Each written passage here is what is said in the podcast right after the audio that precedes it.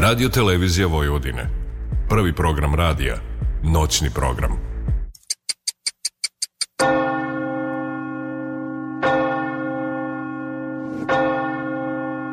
Tačno je nula časova i tri minuta. Vreme je za Radio Televizija Vojvodine. Prvi program radija. 87,7 MHz. Ponoćni program. Noć obdijanje uz Billy Kinga. Radio, televizija Vojvodine. Prvi program radija. 87,7 MHz.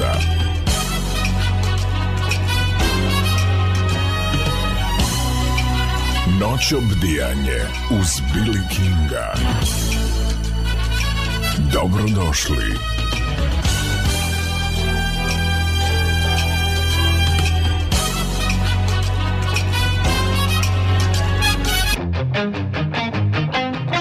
Radio, televizija Vojvodine.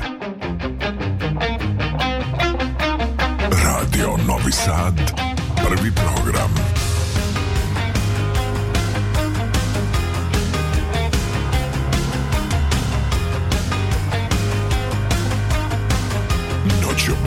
Sejde uz Billy Kinga. Solid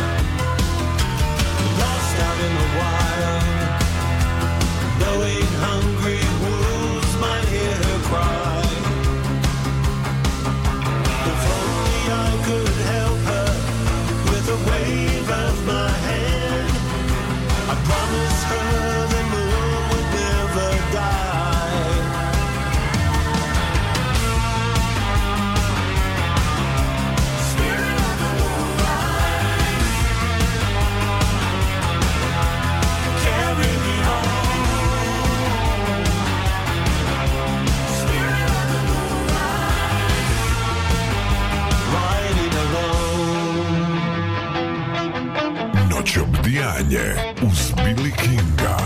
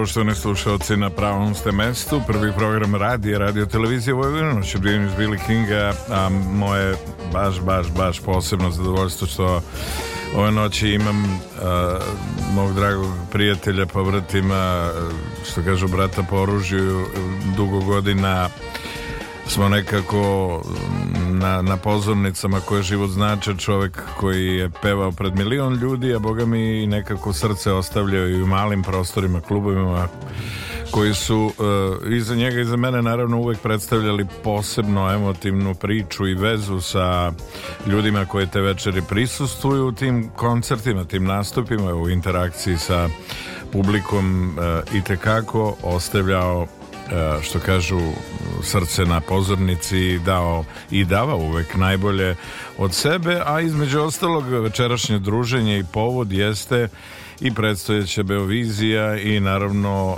dobar vetar za put na Euroviziju gde sam siguran da bi nas uh, i tekako i na pravi način onako krajnje reprezentativno predstavio a siguran sam da će i uspeti u svojim namerama dame i gospodo moji i vaš noćešnji gost Filip Žmaher dobro ti noć brate i dobrodošao.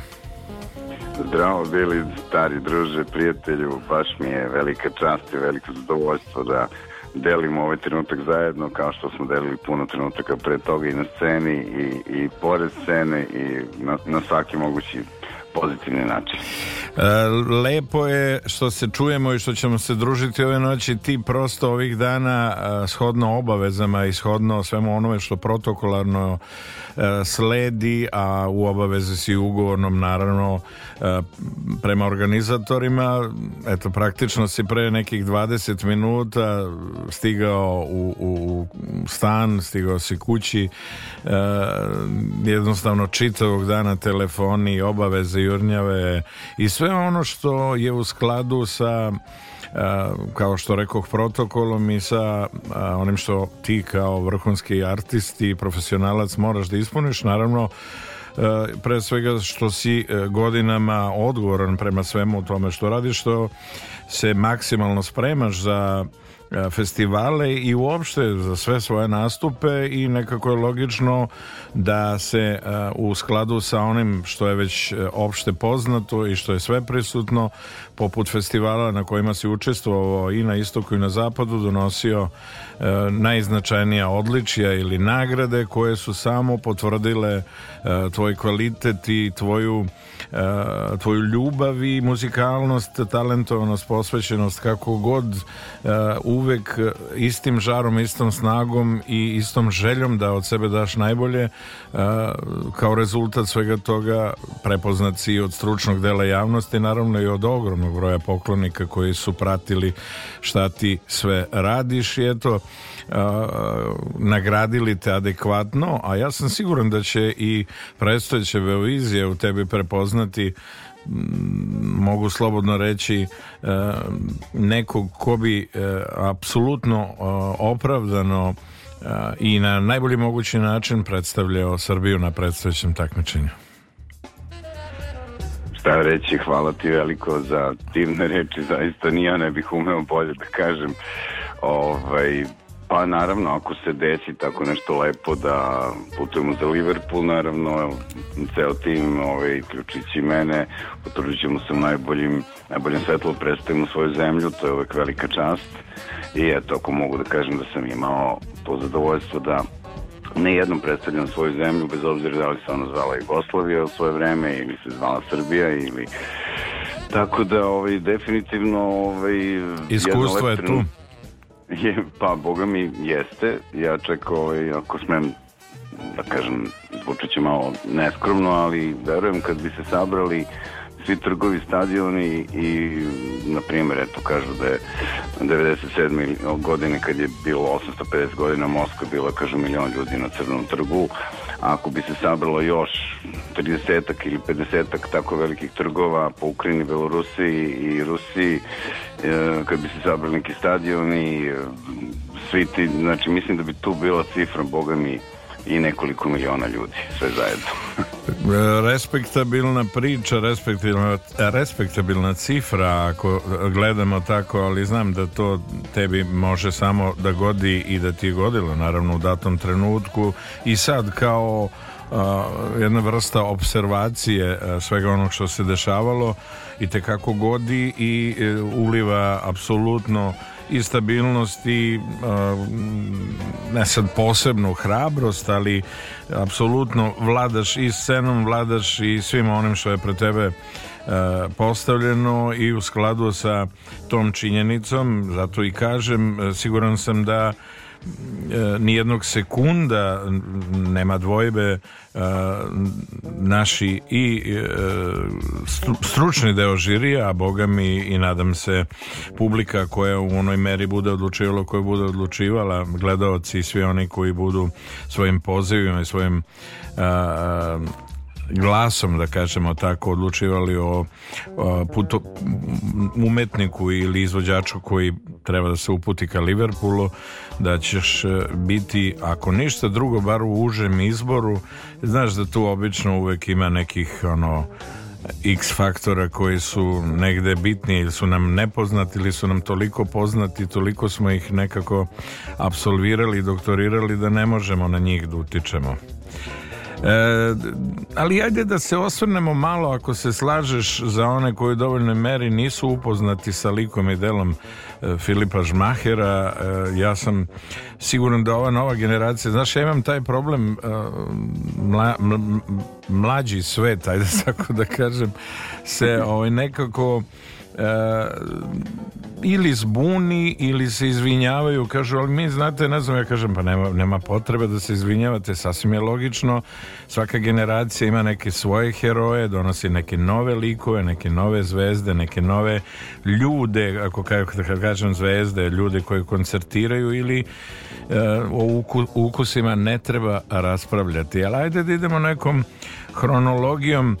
E, e, ko je Filipa što bi rekli ovaj, i ko je krivac i ko je Filipa da kažemo žargonski zarazio rock'n'rollom i uopšte uh, sama činjenica da si na velika vrata ušao u svet muzike Pa kome zarazio? Pa pre svega ovaj, pretpostavljam da i kod tebe i kod svakog pravog zaljubljenika u muziku pre svega slušanje dobre muzike ovaj, čini to da se jednostavno zaljubiš u to Ovaj, znači, slušanje mnogo, mislim, raznovrsne muzike, naravno u mom slučaju najviše bilo, pitanje bila rock, muzika, hard rock, kasnije malo heavy metal, iako naravno slušao se tu puno stilova. Znači, to je glavni krivac. E sad, naravno, prošao sam kroz tu fazu od neke 87. 8. do 91. godine, kroz fazu E, rock and roll bendova, probe po raznim podrumima, atomskim skloništima, period entuzijazma kad 3-4 puta nedeljno se sastaješ na više, na nekoliko sati sa ljudima koji izgaraju za muziku i trudiš se da budeš jednom u mesec dana na nekoj maloj gitarijadi ili nekoj opštinskoj svirci da te ljudi vide na nekih 15-20 minuta i živiš za to. E, maltene življaš veću tremu nego kasnije godine kao neki profesionalac znači potpuno izgaraš za takvo nešto. E onda posledno ilazi jedan trenutak kad eto u mom slučaju čak bilo ovaj neki 91. godine ja sam čak nešto se bio pokolebao, kažem, koliko tih demo snimaka, koliko tih proba, da bih imao, ne znam, 15-20 nastupa za 2-3 godine ovaj, ili 4 i onda se desi neki trenutak kad slučajno ovaj, se pojavi neka osoba s kojom nikad pre toga se nisi upoznao, u tom slučaju to je bio jedan divan gospodin Tomislav Sa Križmanić. Koji je, da, Mesam, 91. da. Jeste, to je bio Mesam 1991. godine, sve vremeno možda i najveći festival na prostorima bivše Jugoslavije. Sigurno, da. A, Tomislav Križmanić je jedan divan gospodin i jedan divan autor, mi je ponudio da otem jednu njegovu pesmu koja nije bila rock, ali je bila, da kažem, jedna lepa pop balada ja sam je otpevao i nekako sticam okolnosti je ta pesma meni otvorila put, usledili su pozivi na televizijski programe, na sledeće neke festivale i tako je nekako krenulo, to je bio neki trenutak kada ovaj, Od, otvaranje, što bi se reklo ka javnosti i ka definiciji tvoje kao nekom ko je u potpunosti zagrizao, da kažemo, jabuku eh, koja eh, i danas nekako je tu, a u stvari je prepuna iskušenja i prepuna nekih novih izazova, novih prijatelja, novih saradnika.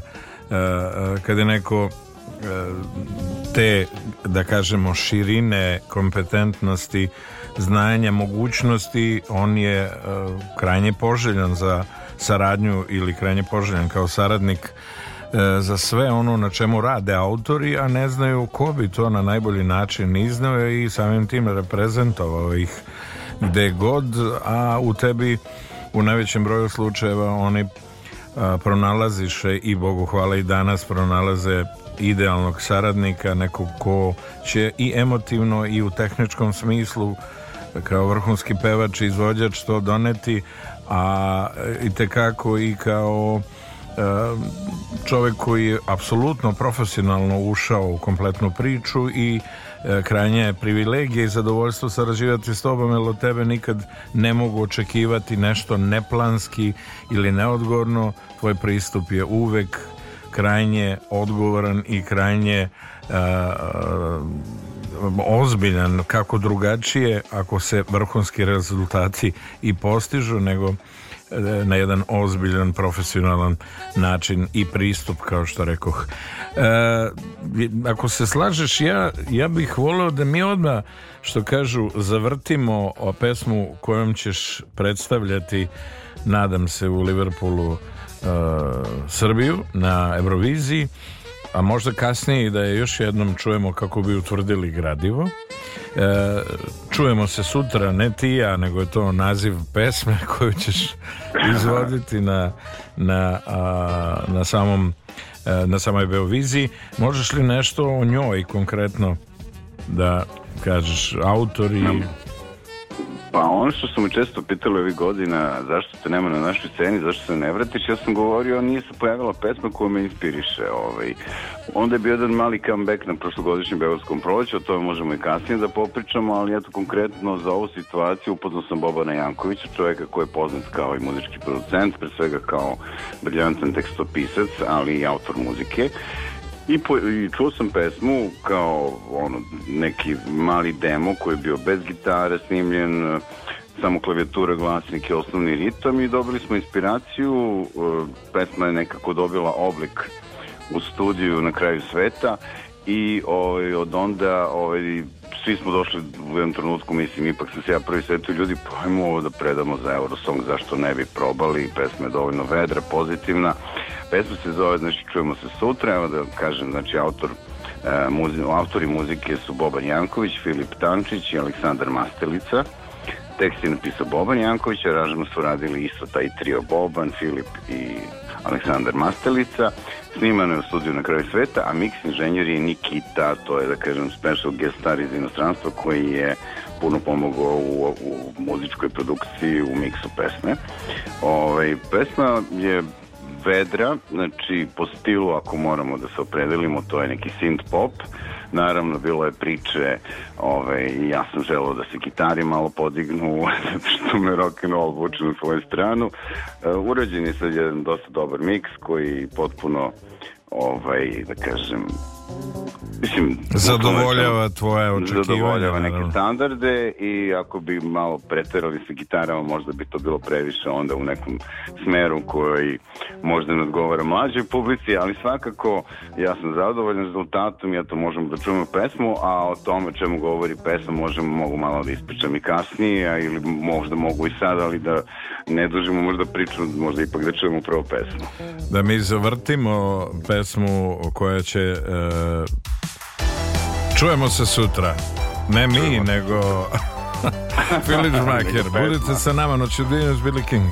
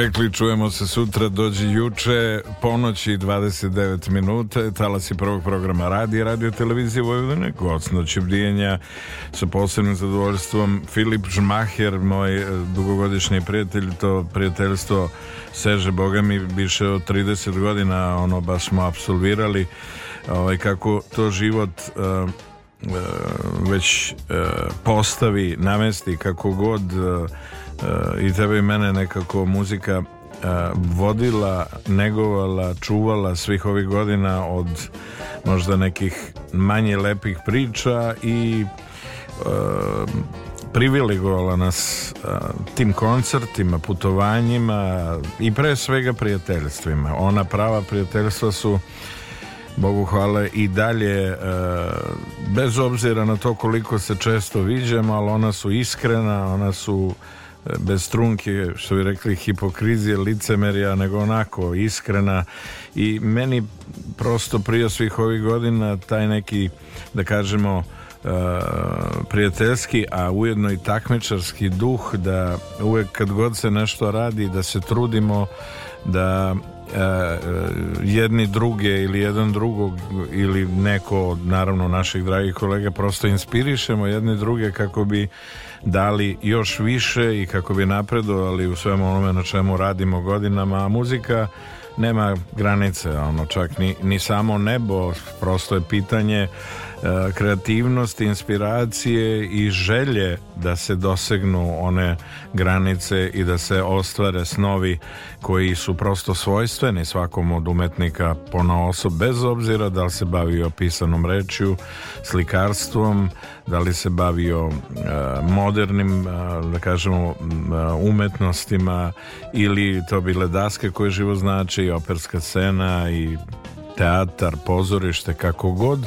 U svakom slučaju mi ove noći sa Filipom pričamo o svemu onome što stoji iza ove bogate karijere i Bogu hvala evo ponovo na, na da kažemo putu putu slave koji vraća na opšte zadovoljstvo one koji imaju šta da kažu i onima koji dolaze da imaju na koga da se ugledaju i da kažu vredi ulagati, vredi živeti, to je umetnost nosi specifičnu i težinu i odgovornost, ali nas negde kao ličnosti i kao jedinke formira kako bismo danas sutra bili bolji ljudi i pomogli onima koji dolaze. Siguran sam da je to tvoje viđenje kompletne priče, ali e, koncerti, koncerti koje si, koje si e, realizovao onako neumorno godinama, a koje si da kažemo diljem i bivšeg Sovjetskog saveza i država u kojima si koncertirao i živeo e, pretpostavljam da za tebe predstavljaju poseban segment i poseban e, deo i, i, i nekako e, emocije koje su vezane za taj period u tebi i od tebe daju najbolje i u tebi nekako rađaju ono najbolje pa bio bilo bi lepo nekako malo da se osvrnemo i na taj period i da don, donesemo jednostavno slušalcima, dragim prijateljima koji iz večera u veče prate ono na čemu mi radimo i šta promovišemo, da im približimo malo kakve su scene, kakva, kakva je, da kažemo, interakcija, kako ljudi reaguju i na tebe i na kolege gde god da ste koncertirali. Pa teško je ovaj, to ispričati. Ovaj, Sažeti u 15-20 minuta. Pa šta reći, ovaj, ja sam otišao, da kažem, aktivnije 2001. godine, otisnuo sam se na te prostore, počeo sam da živim u Kijevu 2001. godine i imao sam producenta, jednog kompozitora, počeli smo saradnju, ubrzo su počeli nastupi po celoj Ukrajini, zatim po Rusiji, Belorusiji, bivšim sovjetskim republikama, Kazahstan, da ne nabrem Gruzija, bilo je tu i Poljska i Bugarska, svašta je to bilo. Ali šta reći, ovaj, ogromna prostranstva, ogromni e, znači, dani nekad provedeni ovaj, pošto avioni nisu uvek išli redovno, Uh, to su ogromna prostranstva, nekad se ide vozom, ti prolaziš vozom preko mosta i vidiš zaleđenu, ogromnu zaleđenu reku sa nekoliko stotina ljudi koji se klizaju ili pecaju isto vreme i druže se, neko pravi ćevape, neko ovaj, obrće ribu na, i to sve dešava na ledu, znači nevjerojatne scene, a što se tiče same ove publike, uh, znači taj prostor, ta, da kažem, mi kažemo istočno, ja bih rekao severoistočna oblast Evrope, kolevka slovenstva, e, ljudi su jako otvoreni, jako su topli i jako poštuju umetnika. Ovaj, malo je uticalo na sve to i to što su oni bili pod, da kažem, gozdanom zavesom dugo godina, nisu mogli da čuju najnovije da kažem muzičke ovaj mislim nisu mogli da čuju novitete i sve ono što je u produkcijnom u vremenu da. oni su nekako bili ženi još čak tih 90. godina kad sam ja počinjao tamo prve nastupe oni sa takvim strahopoštovanjem gledaju na čovjeka koji izađe na scenu znači to je jedna izuzetna jedna toplina jedna, jedna pozitiva e, i možda nije lepo da kažem da sam možda tamo doživao i veće ovaci i veće emocije nego u svojoj otačbini, ali naravno nećemo da merimo jer tamo su veliki gradovi, veli, velike scene, ovaj, puno ljudi, e, sve to ponese, tako da ali definitivno je divno iskustvo i mogu da kažem da se zahvalam sudbini da sam ovaj, obišao uzduži popreko sve zemlje u kojima žive slovenski narodi, ljudi koji nose jednu možda i tužnu sudbinu kroz vekove, tešku sudbinu, ali zato su tu da uvek umeju da vole i umeju da, da, da pomognu prijateljima. Da, daju uvek e, najbolje od sebe i e, ja nisam radi, ne ulazim, nekako držim kao umetnička duša e, i kao statusni umetnik ne mogu da, da, da, ne može da mene ne dira sve to što se na geopolitičkoj sceni dešava, ali sam siguran da ovome uskoro ima kraja i da bez obzira na sve što se dešava da će ljudi koji jesu definitivno željni e,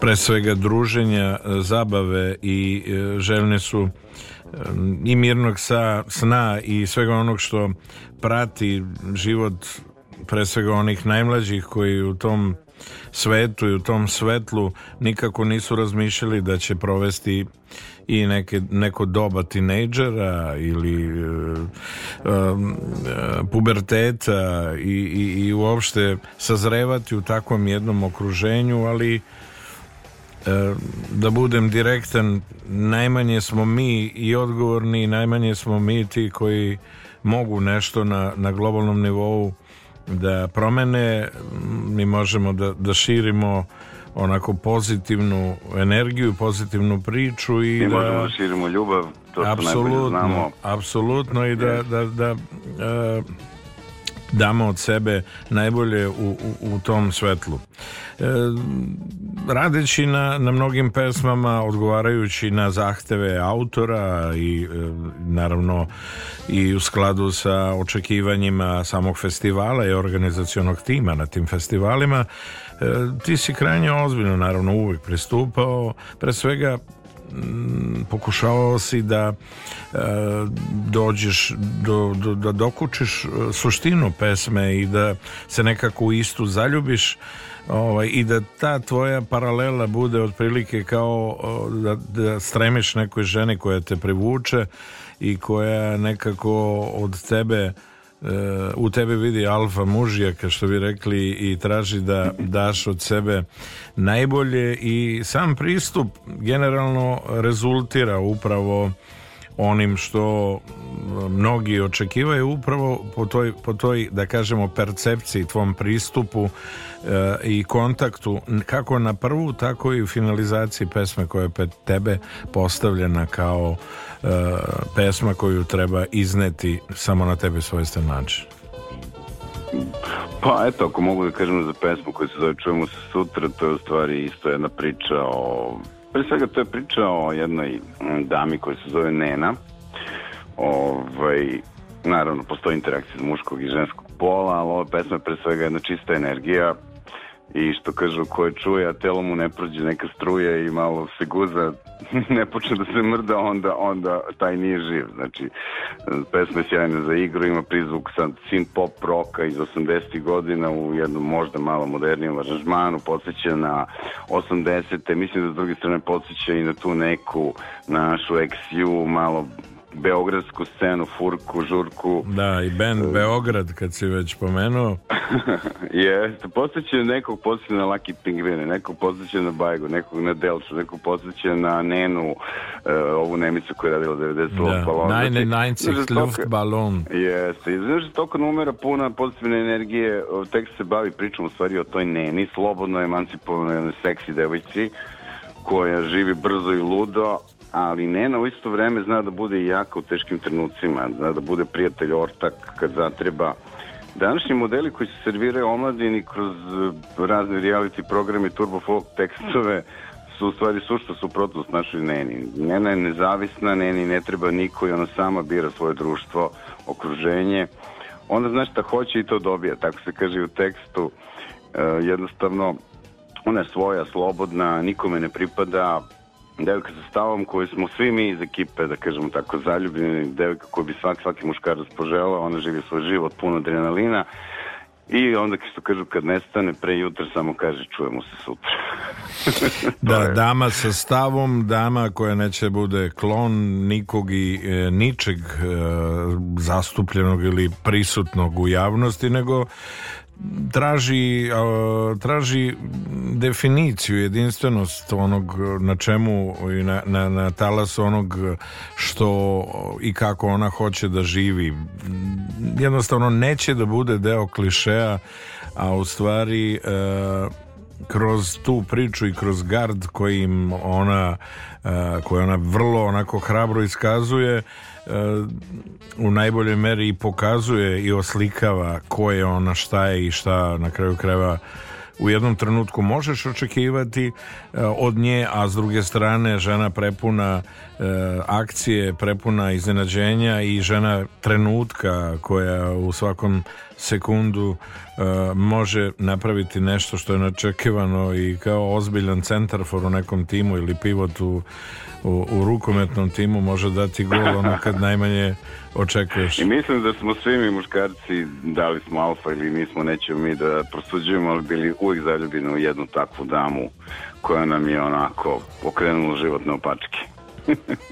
Pa e, neko ka pre, a neko i u ovim godinama je zaljubljen i voli, tako da sve ono što je nekako bilo prethodnih godina a, a, prisutno ili nije bilo prisutno ili smo nekako sami uh, formirali stav o nečemu kako ili idealizovali te neke nazovi uh, nama drage ne, ne mrzimo mi nikoga ali prosto Bog neke stvari postavi na svoje mesto i kaže to je to ne zaluđuj se ničim.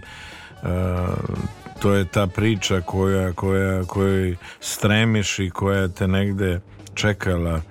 Uh, samo je trebalo strpljenja i ljubavi i uh, sve dođe na svoje mesto. Samo ako je čovek dovoljno pribran, hrabar i strpljiv sve, sve dođe onako kako je zacrtao i siguran sam da svako od nas ima tu svoju zvezdu koju treba da sledi i da se raduje tom iskrenom svetu, iskrenoj priči i toj iskrenoj osobi koja identično tako vraća sve ono što, što mi sami dajemo. E, tako i muzika, ukoliko se daš bezrezervno, ona ima svoju povratnu. Ja mogu konstatovati prosto da nikad u životu koliko god imao određeni problem, da li je finansijske prirode, da li su neki nemiri u mojoj glavi, e, što je nama naravno svojstveno, hiljadu priča, hiljadu koje kakvih ideja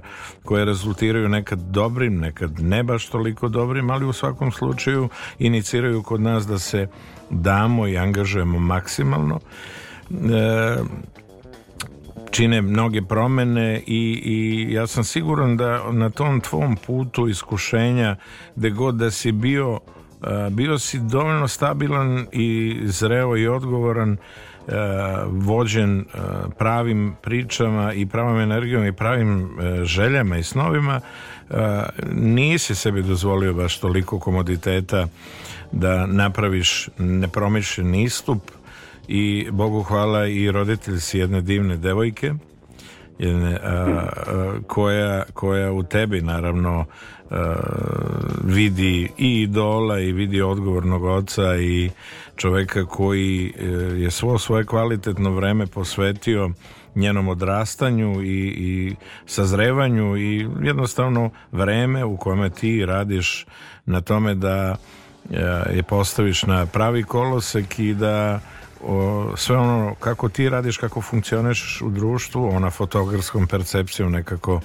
u sebe prenosi, upija i gleda da jednim socijalnim i odgovornim odnosom kako u njenom najbližem okruženju tu gde ste vi a tako i u društvu, u školi, gde god da je da a, sebe predstavi u najboljem svetlu.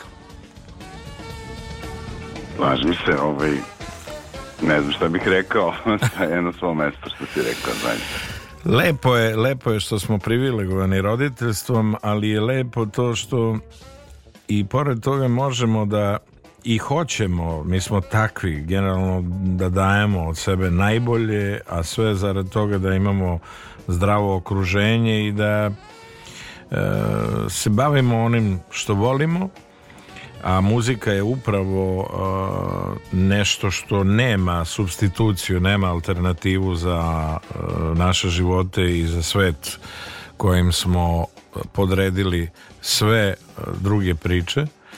E, Jesi li se ti okušao kao ono kao autor muzike teksta u saradnji sa mnogim mnogim kompozitorima i autorima koji su na tvom onako da kažemo i e, putu prepunom i uspona i padova što je sastavni deo naravno svih biografija svih nas koji smo živote podredili i posvetili da ne bude grubo posvetili umetnosti, posvetili muzici, ne ilazio?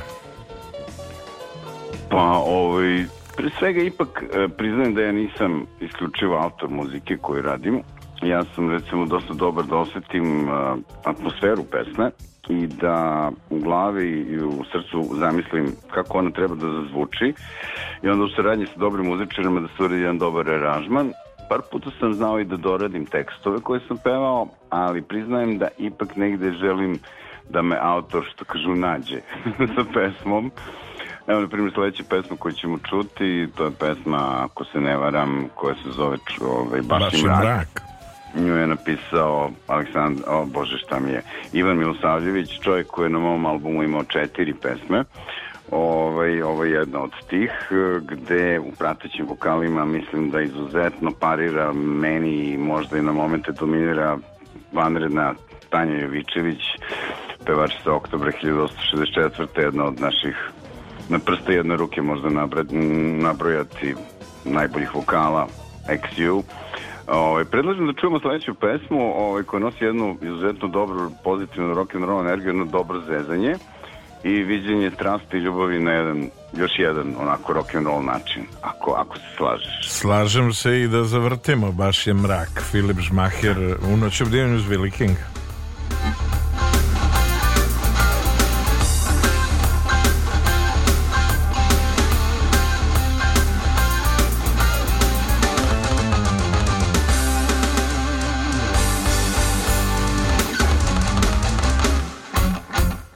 King Baš je mrak dobra stvar, ništa ne vidiš tada, nije važno. S kim si tada Znam da bih htela, naša spojna tela, zato počnimo igru sada. Ko je gore, ko je dole, više ne znamo ništa, cela soba sve okrenula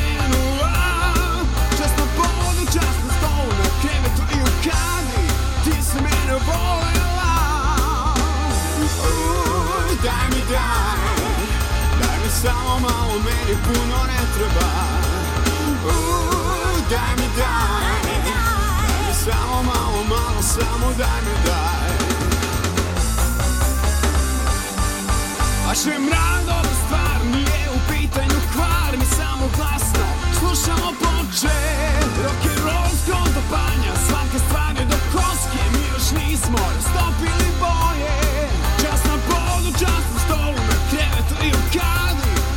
Komšije su lupale I nije im jasno da se može tako glasno. Kad se hoće da se može sve. Uuu, daj mi daj. Samo malo, meni puno ne treba. Uuu, daj mi daj. Samo malo, malo, samo daj mi daj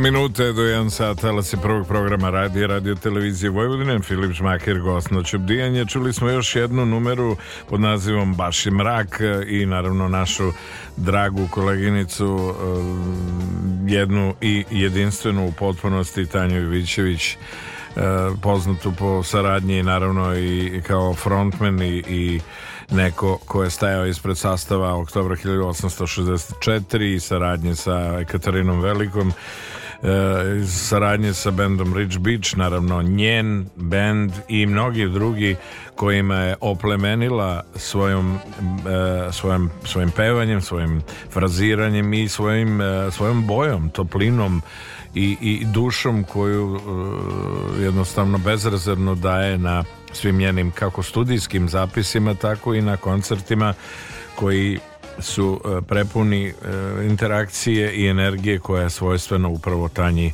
e, kogod da stoji iza nje tako svoja, a tako svetska, a tako naša nekako se poklapa. E, saradnja i studio generalno Filipe e, u skladu sa, sa autorovim odlukama ili odlukama autora koji su određene pesme napisali, pa tamo snimate ili ti imaš neki svoj već ono uigrani tim sa kojim voliš da radiš, sarađuješ i tako zapisuješ pesmu? Pa e, samo da se da završim u vezi Tanje Vječević, da se nadovežem, znači meni je ogromna čast uopšte da nju poznajem, to je mislim jedna osoba koja na scenu uvek iznosi svoju ličnost pa, pa je pomnoži sa nekoliko puta jedna devojka koja kad izlazi na scenu ona se pet toga prekrsti. Možda nisam trebao ovo da pričam ali ona muziku doživljava potpuno kao potpuno ispunjenje svog bića. Uh, ona to jednostavno to je za nju svaki izlazak na scenu je za nju trenutak posvećenosti molitve žena koja sebe daje onako zaš punom srcem i dušem i sećam se kad sam me pozvao i zamolio, pošto to je bilo 98. godine, ja, ja tada sam imao dve pesme koje su bile u žestokom rock maniru i ovaj, trebali su mi, trebao mi ženski vokal koji može da odgovori, ako smem tako da kažem, mojoj energiji, Uh, kasnije ćemo čuti pesmu koja se zove Glad, gde je Tanja isto fantastično uradila vokale, osetila potpuno šta treba da uradi Ovaj, tako da bes, beskreno je hvala. Ona je prvo rekla, znaš Filipe, ja više ne radim takve stvari, uh, sad sam u sreći nešto drugo i onda kad je videla sam se izbedačio, onda, onda je pristala i došla je prijateljski mi je to uradila, znaš, beskreno je hvala i nek živi još hiljadu godina. Što se tiče saradnje sa ovim kompozitorima, muzičarima, pa pazi, mislim, toliko je toga prošlo za 30 nešto godina bavljanja muzikom, uvijek je neka druga pozicija, druga situacija, ali važno je da muzika živi, da se pesme snimaju, da postoji kreativan trenutak. Ove, svakako nekad autor diktira malo više, nekad malo manje. Ivan Milosavljević Milke je jedan od najboljih gitarista koji je po meni ex dala ikad. Um, da sad ne nabrajam u čemu je on sve učestvovao do sada. Ovaj, čovjek koji, s kojim sam se ja momentalno osetio uh, ja sam objašnjavao kakve aranžmane želim za neke pesme, on je to shvatio, sprovodio u delo i zato smo potpisani na mom albumu nekih pola aranžmana zajedno. Ovaj, eto, ja mislim, i sledeća pesma je m, doduše obrada, to je pesma koju je napisao Goran Bregović, ali ovaj, možda će biti iznenađenje za naše slušalce, možda nisu čuli ovu verziju. To je obrada pesme Čekala sam dragog čitav dan da. koju je pevao Jadranka Stojković, a ja sam je obradio u jednoj hard rock verziji, hard heavy, recimo kako bi to svirao neki White Snake recimo, pa predlažem ako se slažeš da poslušamo da čujemo, pesma. naravno. Naravno. U mojoj verziji se zove Čekao sam malu. Sve male čekale su Filipa, a on je na službeni ulaz samo privremeno nestao da bi pronašao njegovu malu. Ostanite sa nama, noć obdijenju s Billy Kinga.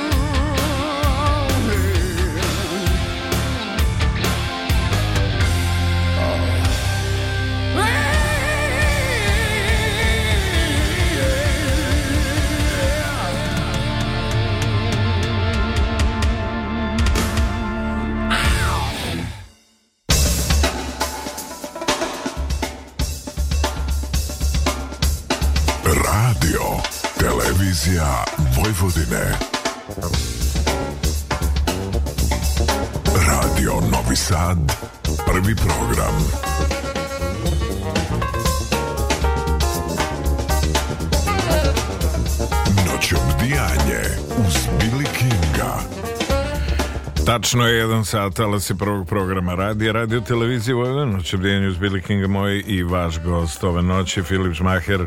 Čuli smo uh, jednu sjajnu uh, da kažem, uh, verziju obrade pesme Čekala sam, čekala sam dragog čitav dan uh, legendarna Jadranka Stojaković uh, u, u njenom izvođenju, a ovog puta Filip Žmaher na samo njemu svojsten način prepuna energije, odlučnosti i želje da u pesmi da najbolje, naravno u čemu uspeva.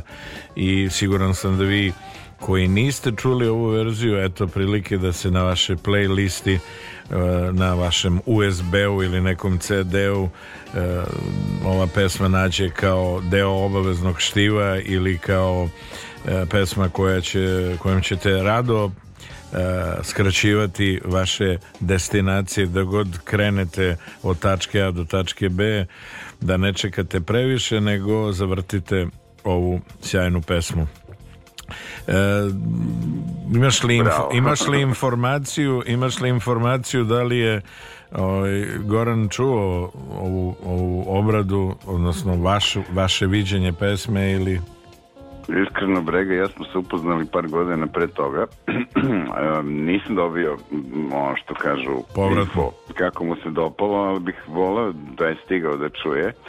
Jer mislim da ovo podsjeća na neku varijantu nekog modernijeg malo bijelog dugmeta kako bi oni to uradili sa pevačem tipa mm, Željko Bebek ili Tifa ili bilo ko.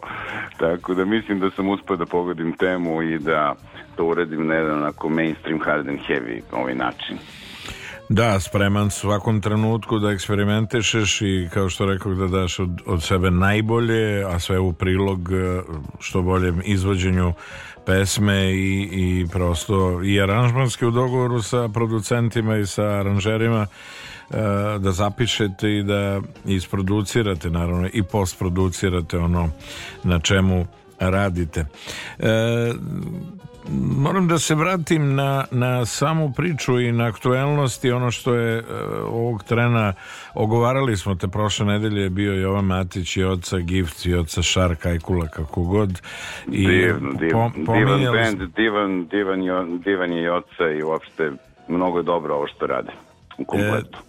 ja, ja pa se prosto raduje me a, sama činjenica da je takav ambijent i da vi nekako uzajemno jedni druge na tom putu e, pomažete e, onako sugestijama, lepim komentarima, iskazujete pre svega kolegijalnost i pre svega ljudskost. e, Svi smo mi tu, jer muzika naši sam nije ono rukometna košarkaška i fudbalska utakmica, nego prosto teren na kome svi mi svojom autentičnošću svojom autentičnošću i, i načinom na koji mi donosimo emocije ili donosimo ono što je pred nas postavljeno ukoliko nismo autori e, iziskuje da damo ono najbolje i mi se trudimo i na tom na talasima upravo te, tih priča i takvih očekivanja mi funkcionišemo jer mislim da nema mesta kao što rekoh ni licemerja nema mesta ni e, zavidnosti jer e, prosto iniciramo jedni kod drugih, kod drugih e, činjenicu i želju da damo što kvalitetniju priču od sebe i da na najbolji mogući način iznesemo pesme koje su pred nas postavljene. Takav je slučaj i sa tobom, siguran sam. Pa potpuno se slažem sa tobom, pogotovo ako smem da kažem moje subjektivno mišljenje je nekako među kolegama, muzičarima, čini mi se da među ljudima koji najviše vole rock muziku postoji neki najiskreniji vibe i jedan potpuno ono support znači eh, evo Joca ja smo se priznajem on je ipak dosta mlađi od mene upoznali u hodniku RTS-a pre neki dan i potpuno spontano krenula komunikacija. Ovaj, to je jedan band koji neguje jedan izuzetno dobar, ovaj, po meni, sound, vibe, znači oca je izuzetan, mislim, pevač. Ne bih sada da se ubacujem u kritike tu u njegovom glasu čujem samo dobre stvari čujem neku mešavinu Masima znači Milana Mladenovića uh, još nekih David Bowie-a znači čovjek koji stvarno isto izgara na sceni ima jedan fantastičan scenski nastup uh, nekako mi se čini da rokeri se uh, nekako najbolje skapiraju i uvijek postoji jedna, jedna potpuno onako bez zavisti jedna komunikacija. Kao što se desilo između tebe i mene pre mnogo godina, ja sam uživao u tvojim nastupima i ono što želim da istaknem, ovaj, što sam već i ranije spominjao i na društvenim mrežama, za mene si ti lično m, pretpostavljam, ja sam subjektivan, ali ja boljeg šoumena, pored toga što imaš fantastične vokalne mogućnosti, ti si za mene bio otkro, otkrovenje kako ti držiš scenu, kako ti komuniciraš sa ljudima, to je bilo zaista inspirativno i ovaj, meni je žao što ti znaš da mi često ne razmišljamo ovaj, da snimamo svoje nastupe i da nekad to negde sačuvamo. Sve mislimo, bit će vremena šta ima veze. Ja sam nekad pevao pesmu Child in Time koja je vokalno strašno zahtevna. Sada kad možda ne mogu više da otpevam tako dobro kao nekad, sve kažem, a zašto ja to nisam nikad snimio? Znaš, kao, ovaj, pričam otvoreno, žao mi je mnogi dobri trenuci Mnogi dobri trenuci prekinuti su naravno kad se priča sat vremena uh, telefonom, naravno mi ćemo se ponovo upregnuti i odmah ćemo nastaviti naše razgovore e, to jest naš razgovor. E, ono što je činjenica e, to je da da je Filip u potpunosti u pravu. E, šteta što mnoge mnoge nastupe nismo uspeli da e, trajno zapišemo i da ih negde e, prebacimo na prebacimo na neke celuloidne trake ili bar VHS Umatic trake koje bi nam u mnogome pomogle da se e, podsjećamo i evo ovaj, e, ti čeri ja sinu nekako e, pokažem, vidiš Ćale ovde bio, ovde su radili, vidiš kako to nekad bilo a ne samo ovaj, neke priče. E, nekako sam stanovišta da mnogo, ajde mi smo deo toga, ali mnogo s- brzo žive e, klinci danas, imaju neke ne, zadržavaju se previše na nisu de, ono detaljisti ili, ili nekako im je s- sve im u, u kratkom vremenskom roku postaje dosadno. Ne znam da li je to tvoj stav kako ti vidiš? Pa pazi, pošast koja se zove mm, moderna tehnologija koja nam donosi s jedne strane bi trebalo da nam pruži jedno bogatstvo informacije i dobrih stvari, ja recimo ako mogu nešto pozitivno da istaknem, YouTube je nešto gde praktično možeš da nađeš sve što poželiš od muzike, znači od 32. godine, na primjer, do 2023. godine, ali nažalost ovaj, društvene mreže ta brzina, brzina informacije, pr- previše toga što pre svega služi očima i primanjem informacije preko očiju, mislim, nadam se da sam bio dovoljno jasan, skraćuje mogućnost da čovek zaista malo dublje uđe u sadržaj koji, koji u tom trenutku prati, ali mislim da nije sve izgubljeno jer možda ću zvučati prepotentno, ali smatram da je ipak ovaj, neki broj ljudi koji su se nečemu ozbiljno posvetili, oni su držali e, muziku, oni su držali kulturu, oni su zadržali neke prave vrednosti i uspeli da je sačuvaju kroz, kroz decenije i kroz vekove, tako da nema predaje, nema kapitulacije i borimo se dalje, tako da mislim da će i među tim mladim ljudima, kao što ja primećujem, da postoje mladi ljudi koji su po 30 godina mlađi od mene, koji fantastično se posvećuju muzici, pevanju ili sviranju. Mislim da bitka nikad ne može biti potpuno izgubljena, mislim da je bitka uvek na kraju ipak do, dobijena. Zato što Da imaju podršku u nama i imaju negde uh, put koji prate i svesni su toga da samo posvećenošću i ulaganjem mogu da očekuju neke rezultate ukoliko su im oni nekako primarni, a naravno da je e, uspeh i očekivani uspeh kod svakog ako ništa drugo, bar da budu priznati od kolega na tome na, na čemu rade i da rade na autorstvu, da rade na, na sebi, na svojoj definiciji. I e, ja želim da čujem tvoj glas, a to je numera koja je još jedna od sjajnih sa tvog albuma. Jeste, još jedna pesma Ivana Milosavljevića, čujem tvoj glas, uh, urađena u, da kažem, nekom rock, tehno, savremenom ruhu, čini mi se baš za te godine, pa da čujemo. Čujem tvoj glas.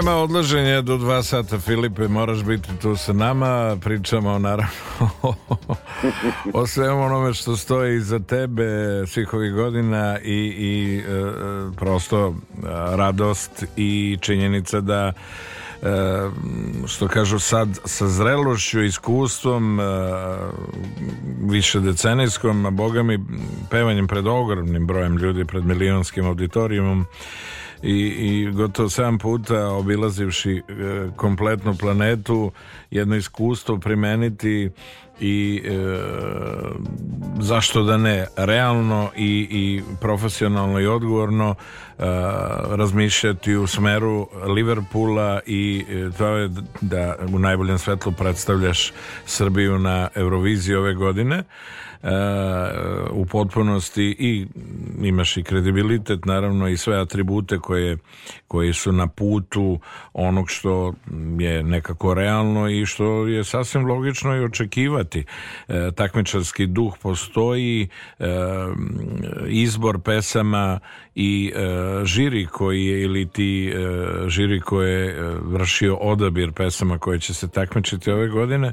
Pa možda i ono što je poput onog prethodne godine sa konstraktom možda sad ljudi žele nešto drugačije, nešto što će biti bliži njima, ali taj, što bi rekli, crv i to ono neočekivano može da zagolica i, i Evropu i da uz sjajnu animi, jednostavno uz sjajno animiranje javnosti e, pomerite, pomerite mnogo toga u smeru e, naše, naše zemlje i da e, jednostavno razmišljaju o tome kako bi bilo lepo da se ponovo, zahvaljujući našem predstavniku Eurovizija desi u Beogradu. Ne znam to kako... bi bilo fantastično. Ne, to bi bilo da. fantastično, naravno, Da. ovaj, naravno ja zaista ne bih da ponavljam, ne, ne bih da pretendujem, ja sam spreman uvek da uradim najbolje što je moguće, pogotovo kad je predstavljam svoje zemlje, ali svako bi bilo divno da ovaj, sledeće godine Eurovizija bude ovaj, u Beogradu i da bilo ko da dođe iz Srbije ako pobedi, naravno ja bih volao da pobedi neko ko je kvaliteta, ima još kvalitetnih izvođača, hvala Bogu, Ovaj biće bilo bi mi veliko zadovoljstvo da doživimo opet uh, da kažem Euroviziju u Beogradu. Nije to uopšte nerealno i očekivanja nisu nerealna e, proteklih 20-25 čak što više i od, od prve Eurovizije 1961 na kojoj nas je predstavljala Ljiljana Petrović, jedna divna dama koja nas je pre izvesnog vremena napustila.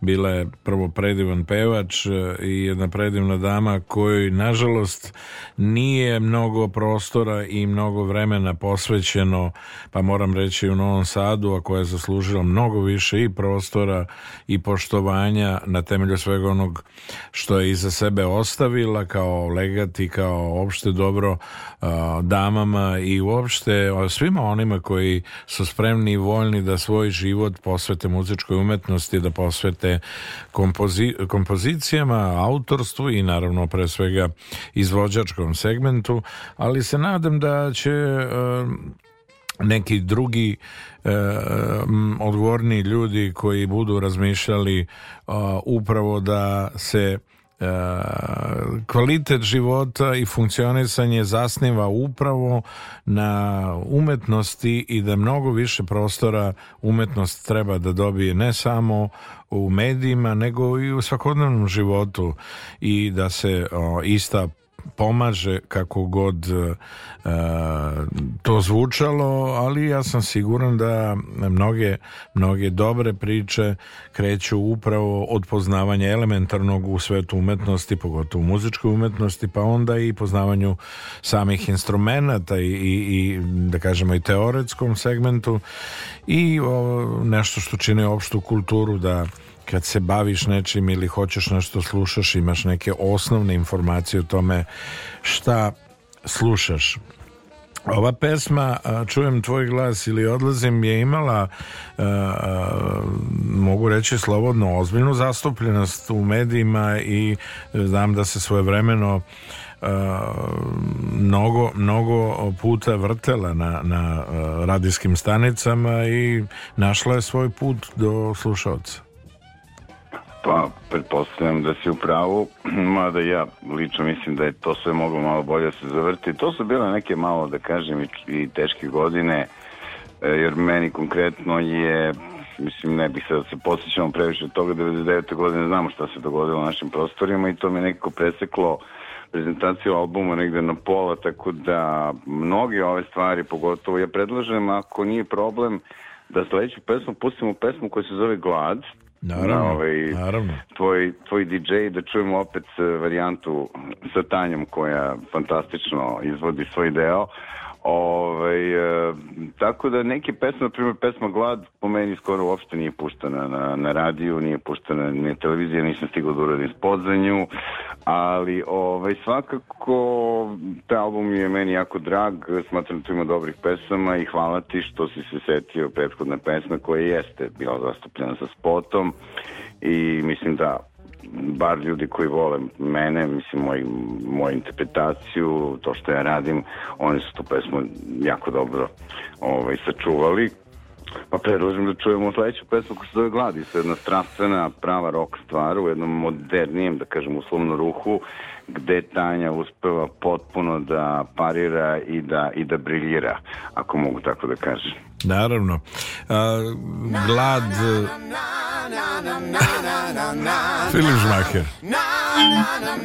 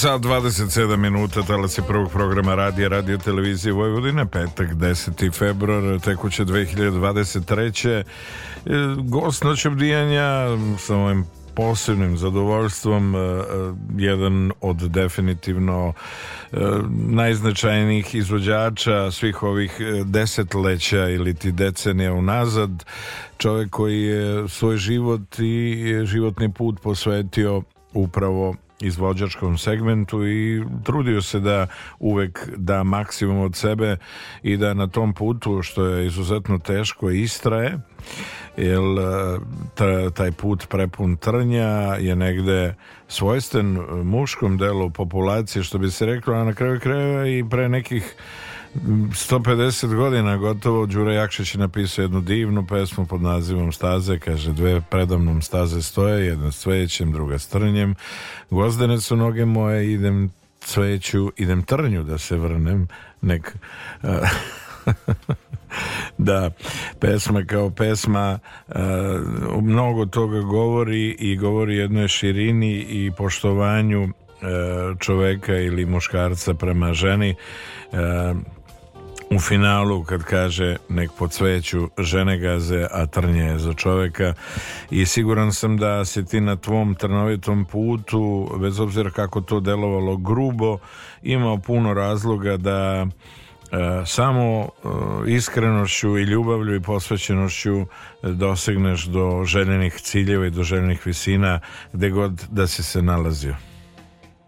Sjajno citiranje sjajno, sjajnog, sjajnog našeg pesnika i baš svaka ti čast kako, kako ti uspeš da poveže sve to. Ove, pa jasno je, trnje, trnje je prisutno uvek, e, ko nije navikao na trnje, on nije napredovao, nije sazreo, tako da, šta da kažem, ljudi spremite se i na trnje, zato što bez toga čovjek ne može postati zaista jak. da, nekad, nekad e, e, e, cvećke ili cveće koje ima najviše trnova daje u stvari najlepše, najlepše e, cvetove, kao što je kaktus. tako, ili je, tako je. ovaj, na tom putu, tako da iza svih tih boca uvek dolazi ona, onaj lep cvet koji, koji negujemo i mm, treba da negujemo, naravno, da ne gledamo samo tu ovaj, stranu medalje, što bi se reklo, i tu stranu cveća koje nas okružuje. E, neki planovi što se samih e, koncerta tiče i da kažemo proleća i leta 2023. što je sasvim logično, ali pretpostavljam da sve zavisi i od onog što je pred nama, što, što sledi, naravno u skladu sa e, sasvim realnim očekivanjima a tiče se plasmana na Euroviziju ako ne bude nije kraj sveta ne bavimo se mi muzikom isključivo zarad uh, našeg uh, festivalskog takmičenja nego prosto to je svakodnevica uh, želja da se da od sebe najbolje i da se neke pesme aktualizuju i da se na njima radi maksimalno kako bi dobile povratno od strane onih kao finalni konzumenti koji ih prati, slušaju, to je definitivno publika koju ti imaš u velikom broju. Pa jeste, ja svakako u planu imam ovaj okupljenje jednog benda koji bi mogo da počne da funkcioniše pre svega u Srbiji, a zatim možda i ako je moguće šire. Postoje još neki planovi paralelni, postoje već neki bendovi s kojima sarađujem, ali na primjer ako pričamo o Jugoviziji ili Eurovision Contest Srbija ili kako god, ja sam na primjer rešio da dam, uh, da pružim podršku mladim rokerima. Ove, svi oni sviraju svoje instrumente sjajno i želeo sam da, ako smem da kažem kao iskusni roker, pružim šansu mlad, mlađim snagama, pravim muzičarima koji žive za muziku, da sam pozvao ove, ljude koji imaju i već neke sertifikate, recimo Master Blaster škola, roll škola u Beogradu, koji će znači zajedno sa mnom nastupiti praktično na najvećoj sceni u velikom show programu koji RTS zaista fenomenalno organizuje i koji svake godine sve bolji i bolji. Znači, da kažem, pola benda čine Lara, koja svira bas gitaru i Jovana na klavijaturama. To su super talentovane mlade rockerke iz Master Blastera. To je prva rock škola sa zvaničnom licencom iz Velike Britanije i hvala veliko ta, Tamari Bojanovski iz Master Blastera koja mi je preporučila te dve devojke, one su i lepe i dobre su muzičarke. A, drugi bend čine mladi bračni par Popović. Katarina je diplomirani muzički pedagog i perkusionista i njen muž Milan, on je jedan mladi gitarista koji je sjajan. Ovaj, on je inače i kompjuterski genijalac i obisnik u adrenalin, adrenalinskim sportovima, ali to me rekao drugom prilikom. Ja sam u mladosti bio takav. Ovaj, tako da sa mnom je jedna mlada ekipa e, koja mislim da će iznati energiju pesme i da će to biti sjajno svakako. A o daljim nastupima, koncertima, daj Bože da sve krene kako treba i da, znaš kako, uh, ja sam nastupao, kažem, i pred desetinama hiljada, pa možda i stotinama hiljada ljudi, ja spomenuo smo tu Moskvu koja je bila stvarno rekord. Impozantno, Ovaj, da. ali i ti i u klubu pred uh, nekad i pred sto ljudi ti možeš potpuno da daš dušu. Ja mislim da si ti jedan čovjek kojim potpuno razume čemu ja pričam.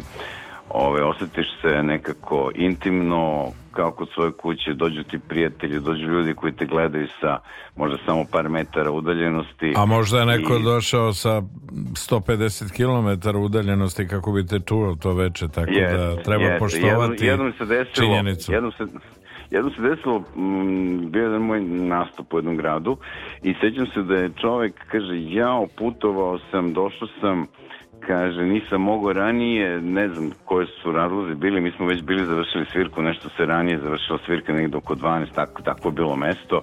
I maltene već bilo gotovo svirka, čovjek je došao, kaže, jer može da mi otpevaš jednu pesmu, kaže, bar ja sam pozvao gitaristu koji je sticam okolnosti imao i akustičnu gitaru, ja sam čovjek otpeo tri pesme, znači u lokalu više nije bilo nikog, znači ovaj, ja sam otpeo tri pesme samo za njega, znači za njegove uši, za tog čovjeka koji je prešao, ne znam koliko je prešao, ali prešao je možda i, i, i, i 200 km, ali to sad nije bitno, to su neki trenuci kad ti jednostavno to je, to je ljubav, prema ljudima ljubav Da, prema treba, treba iskazati poštovanje i zah, Ali zahvalnost. ti si, ti si čovjek koji sigurno razume o čemu ja pričam, jer ovaj, nekad velika scena je nešto fantastično, mi sve, svi tome stremimo, ali ja, ja ću uvijek voliti da nastupim u klubu ovaj, i da osjetim i tu atmosferu kad je čovjek pored tebe na par metara i ti osjećaš da ti njega prožimaš, a on opet tebi vraća tu ljubav. Znači to je, to je nešto što jednostavno to treba osjetiti. prepoznati u svakom slučaju. E, hoćemo da čujemo pesmu koja će trajati hiljadu godina ili Daj Bože, hoćemo. Samo da kažem, to je možda praktično vezano za mene lično i najemotivnija pesma koja, možda i meni na neki način najemotivnija. Da, m, autor pesme Nebojša Popović, moj prijatelj iz Beograda, jedan istivan muzičar i gitarista. E, mislim da od mojih, da kažem, poklonika je to naj, među njima najpoznatije, možda najomiljenija pesma, balada Hiljadu godina. Filip Žmaher u noćevdjenju s Billy King.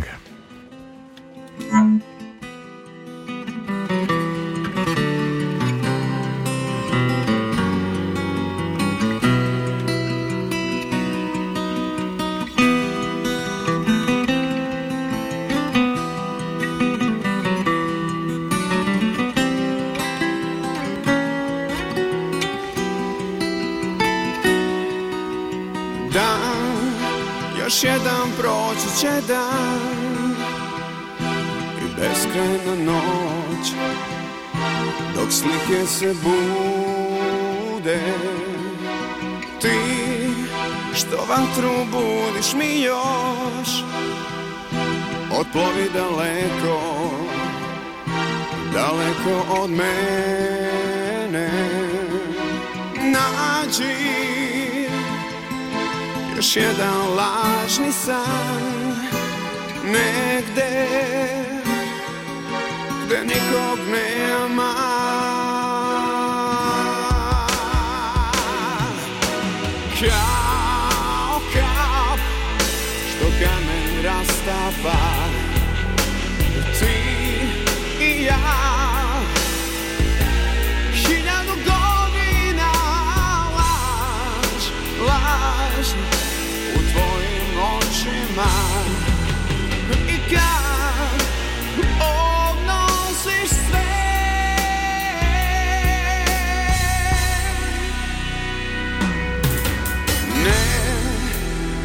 rasipaj su moju moć Nek tinjam u noći Nek iskre se bude. Tad skinuću okove sve Neka oteku sve naše bure. Nađi još jedan stari san Nekad kad nikog nema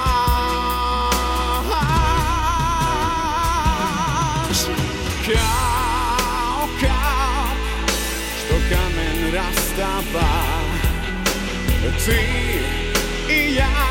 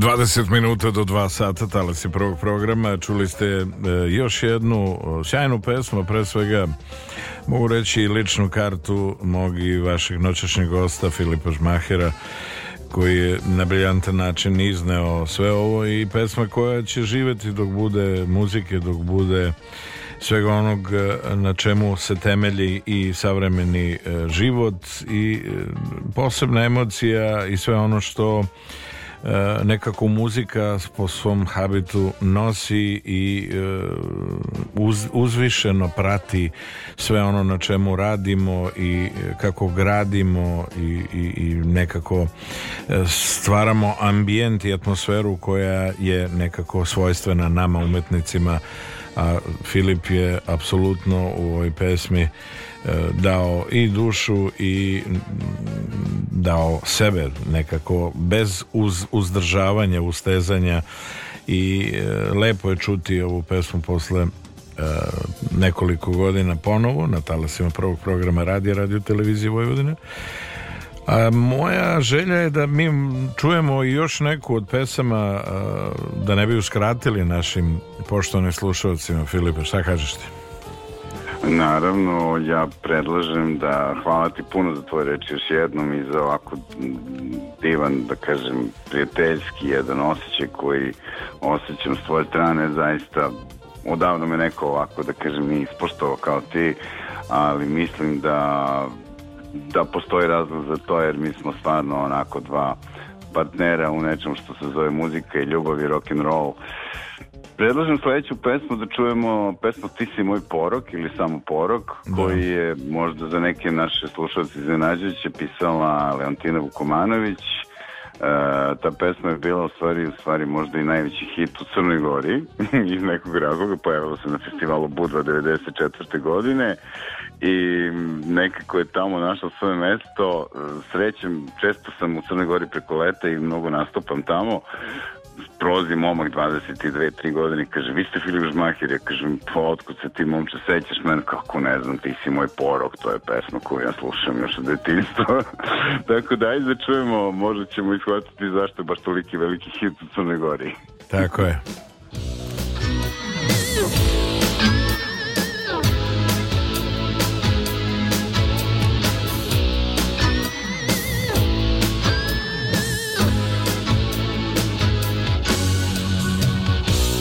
Sam muškačina U svakoj priči momak loš mm, Bio sam i surov A sve su one htele još. A onda si ti Došla ni otkud Od tad sam sasvim lud. Kažu da si opasna I previše isključiva. A morat ću da budem tvoj A ti ćeš biti jedina Ti opljaška pobeda. Drugo mi ne treba. Ti si moj porok Moj pravi porok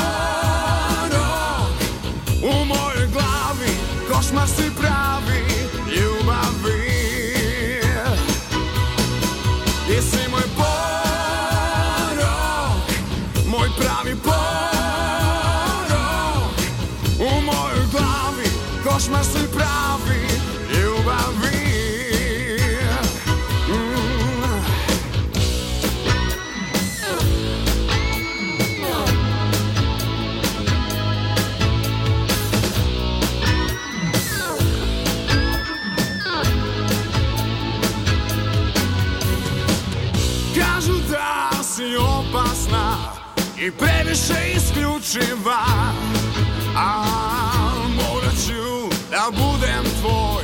A ti ćeš biti jedina Ti opljaška pobeda Drugo mi ne treba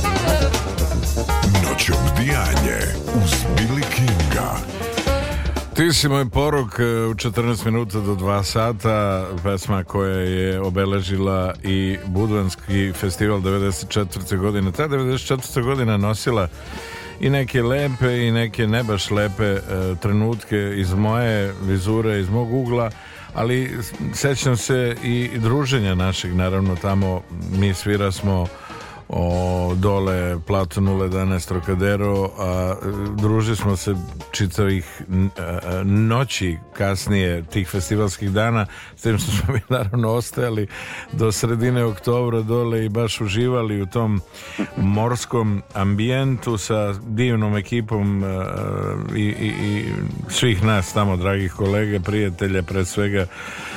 I ti dani nekako be, behu što bi se reklo ovaj, puni emocija i puni tog nekog entuzijazma i želje da se da od sebe najbolje i te večeri su nekako e, ostale zapamćena, zapamćene u, u životima mnogih.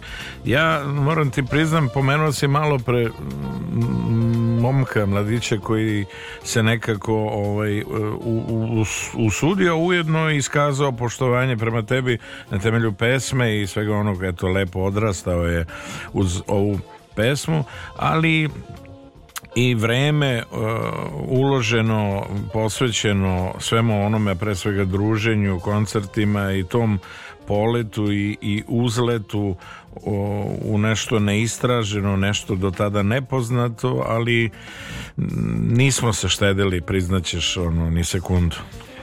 Pa evo ja mogu da kažem, znači to je stvarno bilo jedno leto meni bar na tom Budanskom festivalu festival je nešto duže trajao ima je puno učesnika bilo su dve polufinalne večeri zatim finalna.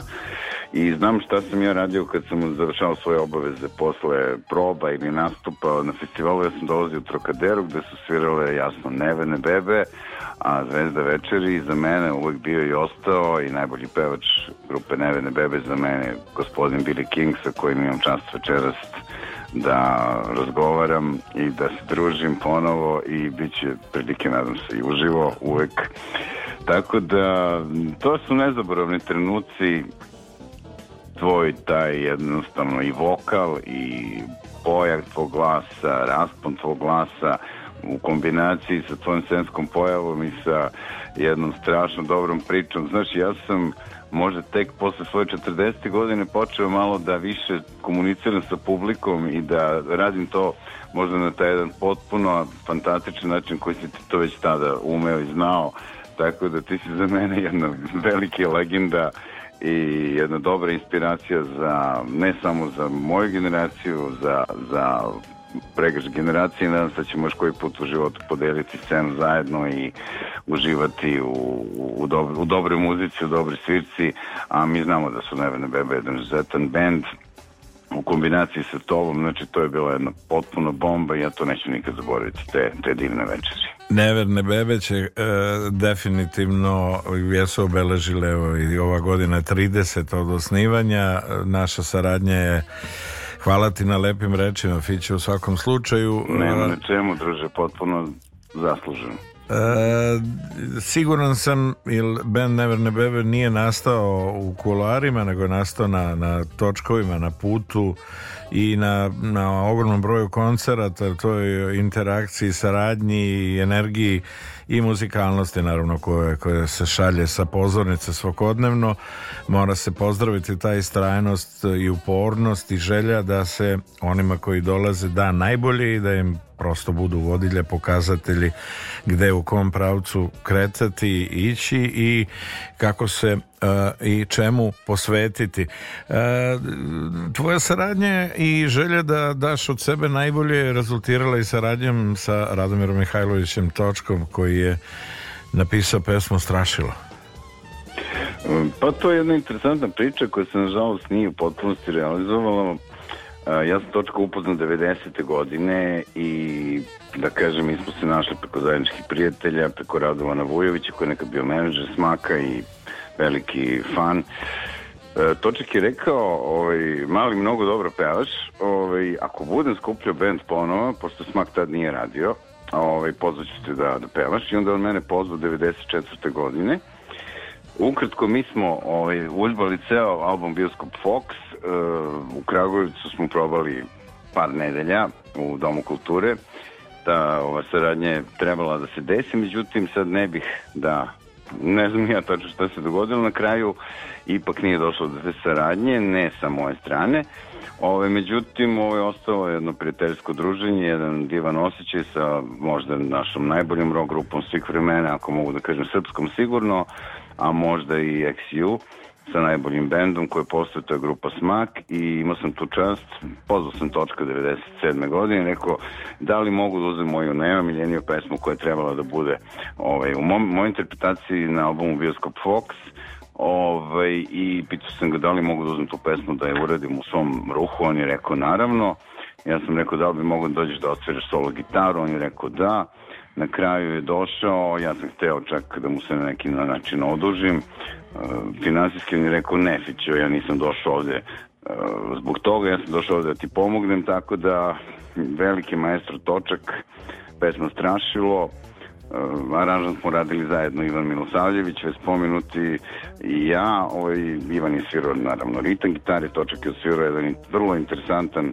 umetnički solo, uh, pesma koja je urađena na svoj način, pa eto, ako možemo da pristupimo, uh, za mene velika čast da je ta pesma na mom albumu Prvencu, zove se Strašilo. Slušamo strašilo. Filip Žmakir.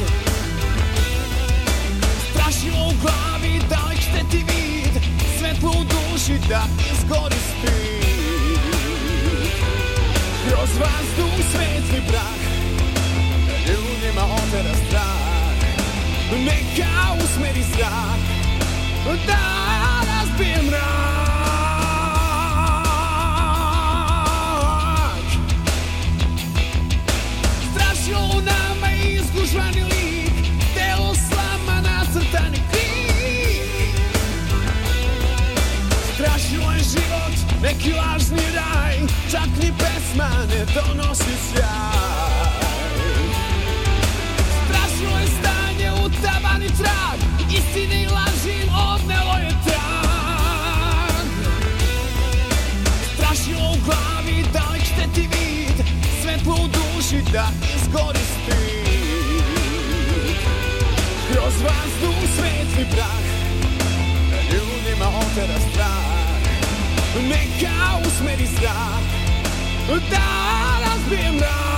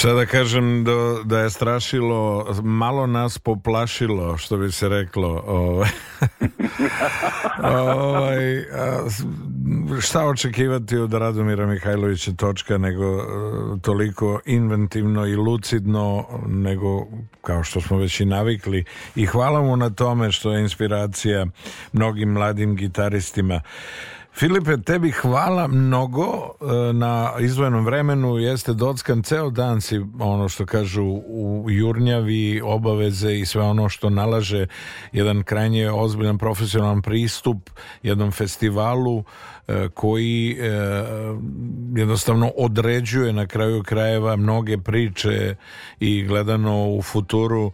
Ja sam siguran da će ti otvoriti još neka vrata koja e, su predviđena tebi, tvom liku, delu i da ćeš najbolji mogući način opravdati očekivanja svih onih koji te vole i koji poštuju sve ono na čemu si radio, na čemu radiš i dalje e, bezrezervno dajući sebe i ne jednostavno ne želeći da ni sekundu jednu odstupiš od onog kako funkcionišeš.